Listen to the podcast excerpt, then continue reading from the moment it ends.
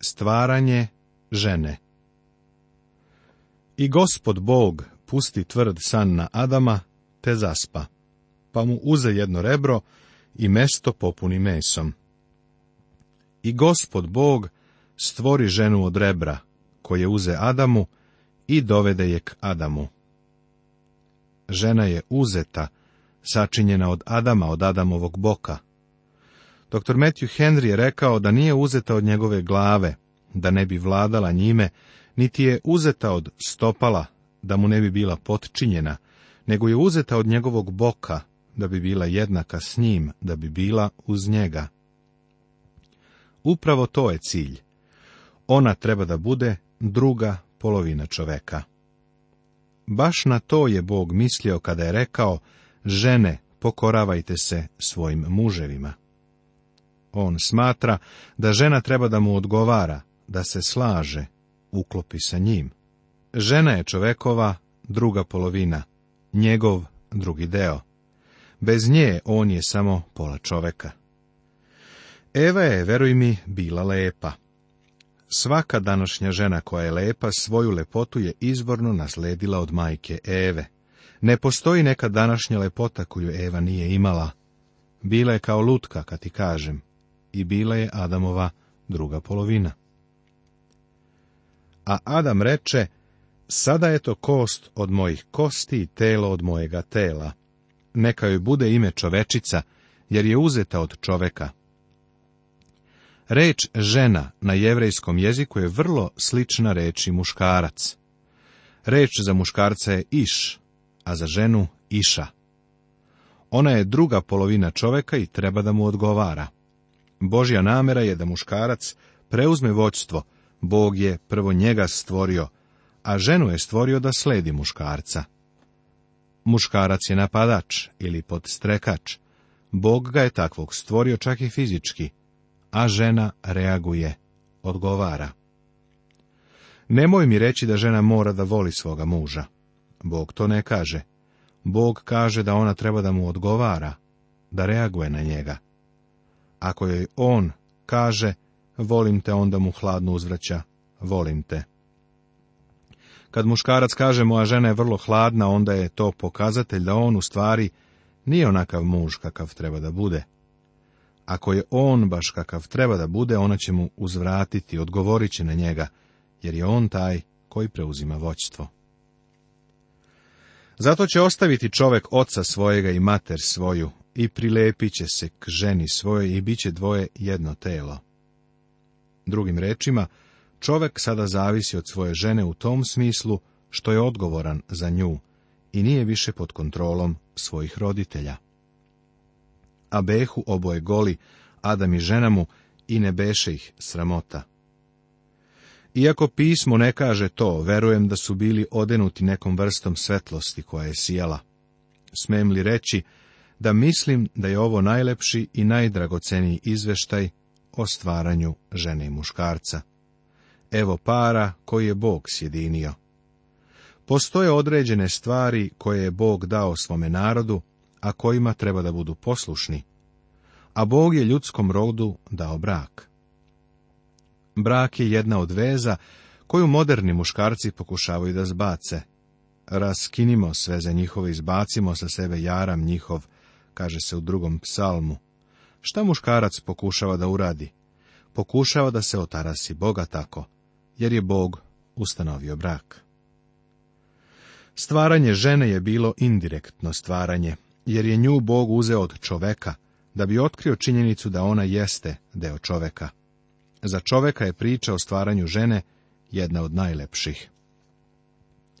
Tema ovog našeg poglavlja je baš divna, stvaranje čoveka, mesto na koje je postavljen, čime se bavio, uslov pod kojim je on tu bio i odgovornost koja ide uz to, njegova potreba za društvom, pa onda Božije stvaranje žene.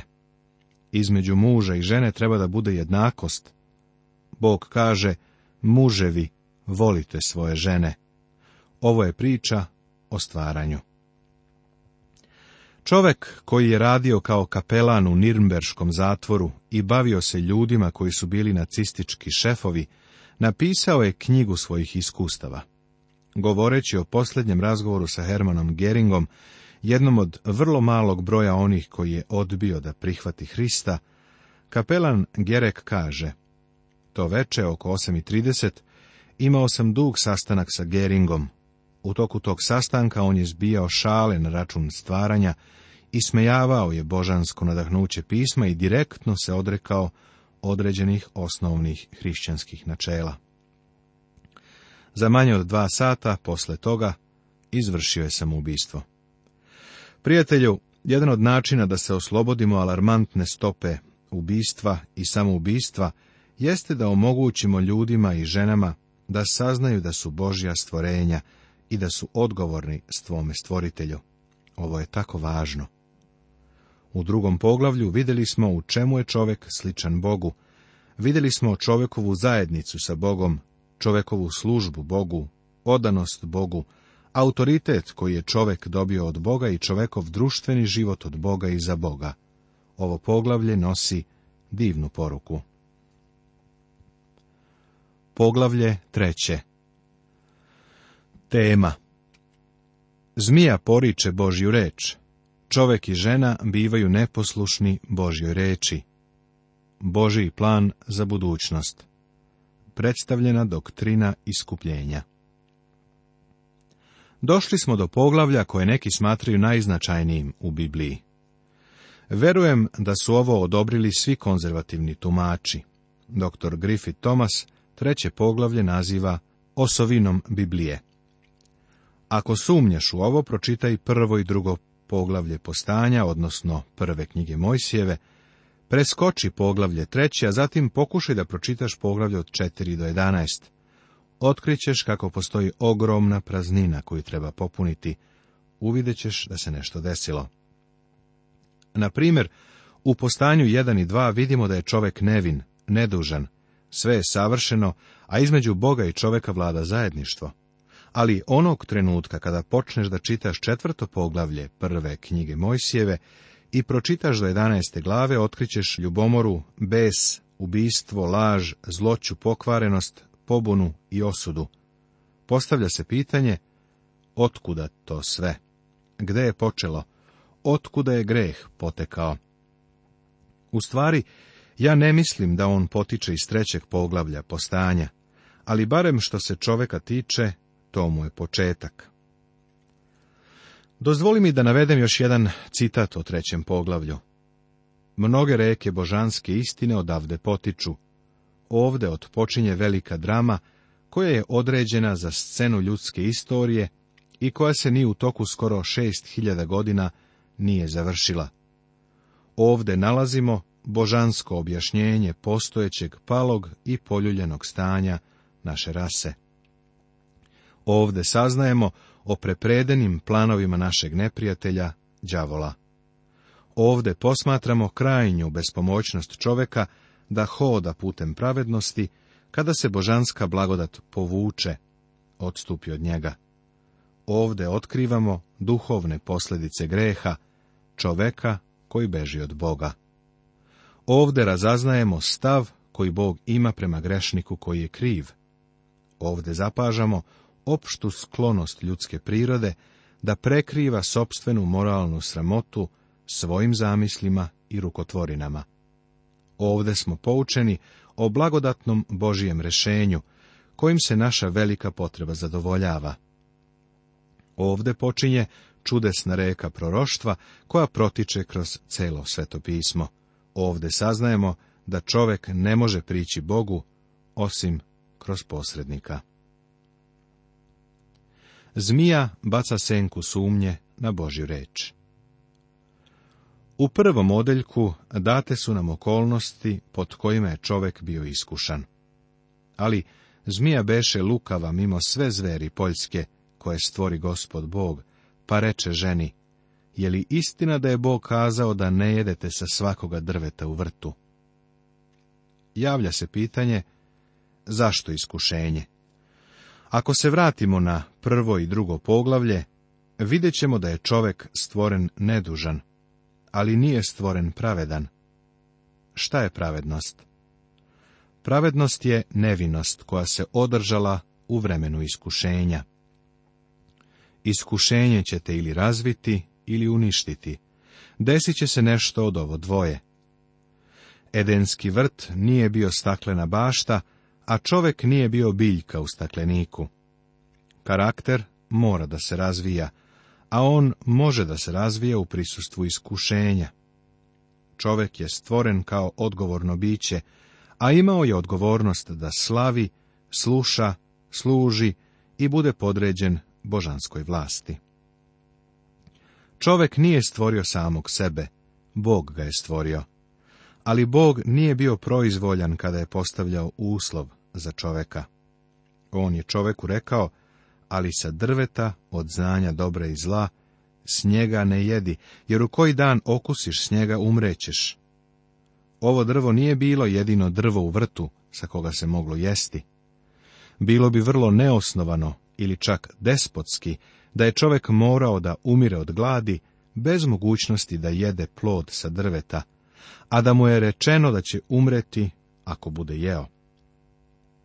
U vrtu je bilo obilje drveća koje je rađalo plodove. Čovjek uopšte nije morao da jede sa ovog drveta. Prema tome vidimo da čovjek na scenu stupa kao odgovorno biće. U prvom stihu se upoznajemo sa zmijom. Istog trenutka može se postaviti razumno pitanje otkuda je ona došla. Ono što ja mogu reći iz Božje reči jeste da zmija nije tamo bila neko nesigurno stvorenje koje se šunjalo. U stvari, nije nam rečeno kako je tu stigla, samo nam je rečeno da je tamo bila. Reč Božija ovde izostavlja veliki deo. Zmija je bila stvorenje koje je Sotona mogao da iskoristi i to je i učinio. Zar to upravo nije način koji Sotona i danas koristi? Apostol Pavle je pisao Korinčanima u Svetom pismu Novoga Zaveta i nije čudo, jer i sam satana uzima vid svetlog anđela. Knjiga otkrivenja o Sotoni govori više od ostalih knjiga.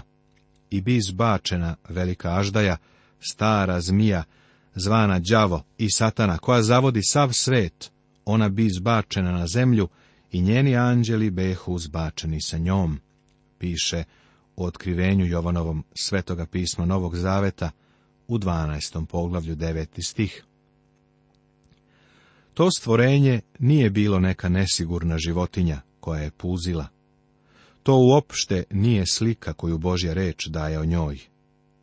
I savlada aždaju staru zmiju, koja je đavo i satana i sveza je na hiljadu godina.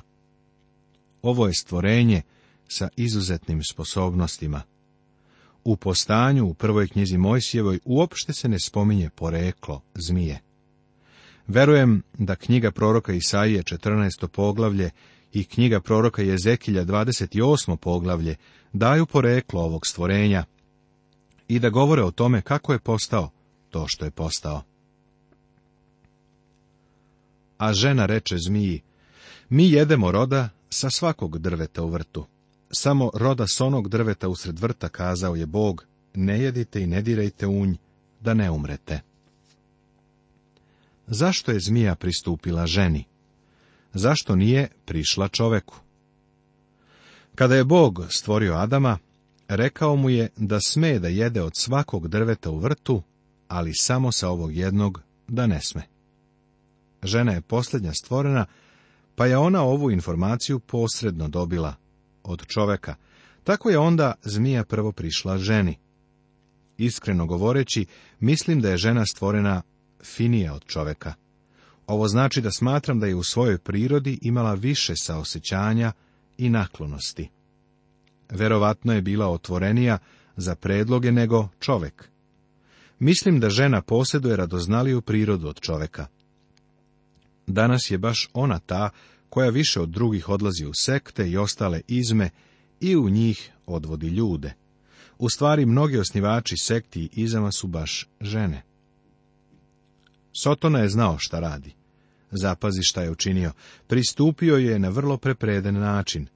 Postavio joj je pitanje koje je bacilo sumnju na Božju reč. A je li istina da je Bog kazao da ne jedete sa svakog drveta u vrtu? On u ženinom umu stvara sumnju i podstiče radoznalost. Ona odgovara, mi jedemo roda sa svakog drveta u vrtu, samo roda sa onog drveta usred vrta kazao je Bog, ne jedite i ne dirajte unj da ne umrete. Ne vidim gdje je ikada više Bog rekao, ne dirajte u to. Zmija poriče Božju reč.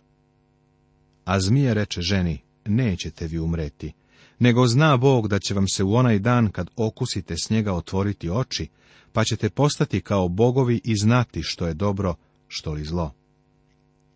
Umjesto da kaže ženi nećete vi umreti, on u stvari govori sigurno je da nećete vi umreti. Zašto? To je jednostavno nemoguće. On stavlja pod sumnju i ispituje Božju ljubav i dobrotu. Ako je Bog dobar, zašto je postavio zabranu? Kada zmija kaže, nećete umreti, ona nagoveštava da Bog nije pravedan. A kada kaže, sami ćete postati kao bogovi, otvorit će vam se oči i znaćete šta je dobro, a šta zlo, tada preispituje Božju svetost. Eva je potom dodala Božjoj reči. Liberalni hrišćani i ateisti uzimaju ili izdvajaju delove iz Božje reči. Na to je Bog upozorio. Sekte i uzgred budi rečeno neki fundamentalisti dodaju Božjoj reči, a Bog upozorava i na to. Ima nekih koji danas govore kako se spasavamo zakonom. Oni tvrde da, jeste verom, ali to je vera plus još nešto. I spremni su da dođu sa nečim. Reč Božja kaže, ovo je delo Božje da verujete u onoga koga je On poslao.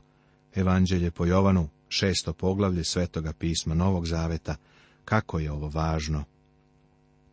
Zmija se vrlo umešno suprotstavlja Bogu i Božju reč zamenjuje svojom.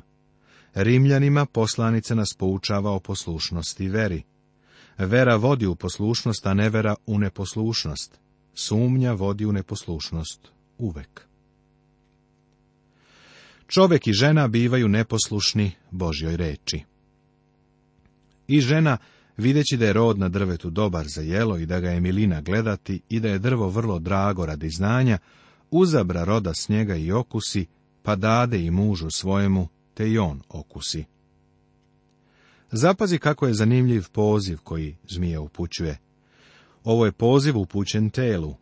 Drvo je bilo dobro za jelo, ali to nije sve. To nije ono što je stvarno važno. Milina ga je gledati. Ovo je poziv psihičkom delu čoveka njegovom umu. Vrlo drago radi znanja poziv religijskoj strani čoveka. Videćeš da je baš ovakvo iskušenje Sotona stavio pred gospoda Isusa u pustinji. Vidi evanđelje po Mateju, Marku i Luki. Prvo je rekao gospodu, ovo kamenje pretvori u hlebove. To je bio poziv telu, baš kao što je drvo bilo dobro za jelo. Zatim je Sotona pokazao gospodu carstva ovoga sveta i ponudio mu ih je. Poziv upućen razumu, kao što je i drvo bilo milina gledati, a konačno je rekao, skoči sa hrama. Ovo je poziv religijskoj strani čoveka, kao što je drvo bilo dobro, radi znanja ili radi mudrosti. Ne verujem da je đavo ni danas promenio taktiku.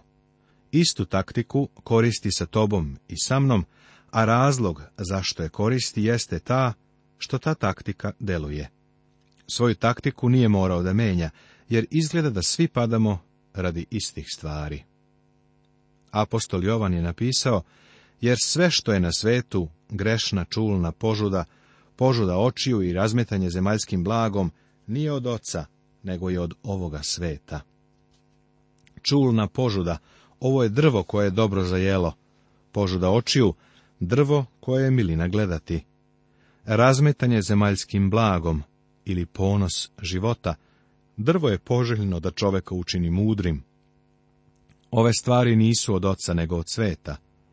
Isus je rekao da ovi gresi tela potiču iz čovekovog srca, iz njegove dubine.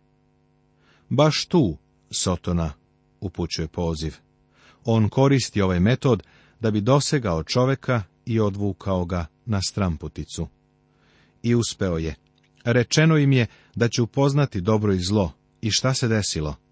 Sada poznajemo rezultat čovekovog pada. Tada im se otvoriše oči i videše da su goli, pa spletoše lišća smokova i načiniše sebi pregače. Tada im se otvoriše oči. Ovo se odnosi na njihovu savest.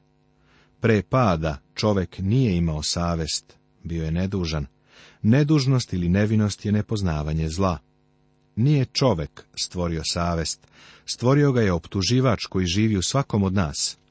Jedan poznati psiholog, hrišćanin sa univerziteta u Kaliforniji u Sjedinjenim državama, rekao mi je da je osjećanje krivice deo čoveka, baš kao i čovekova desna ruka.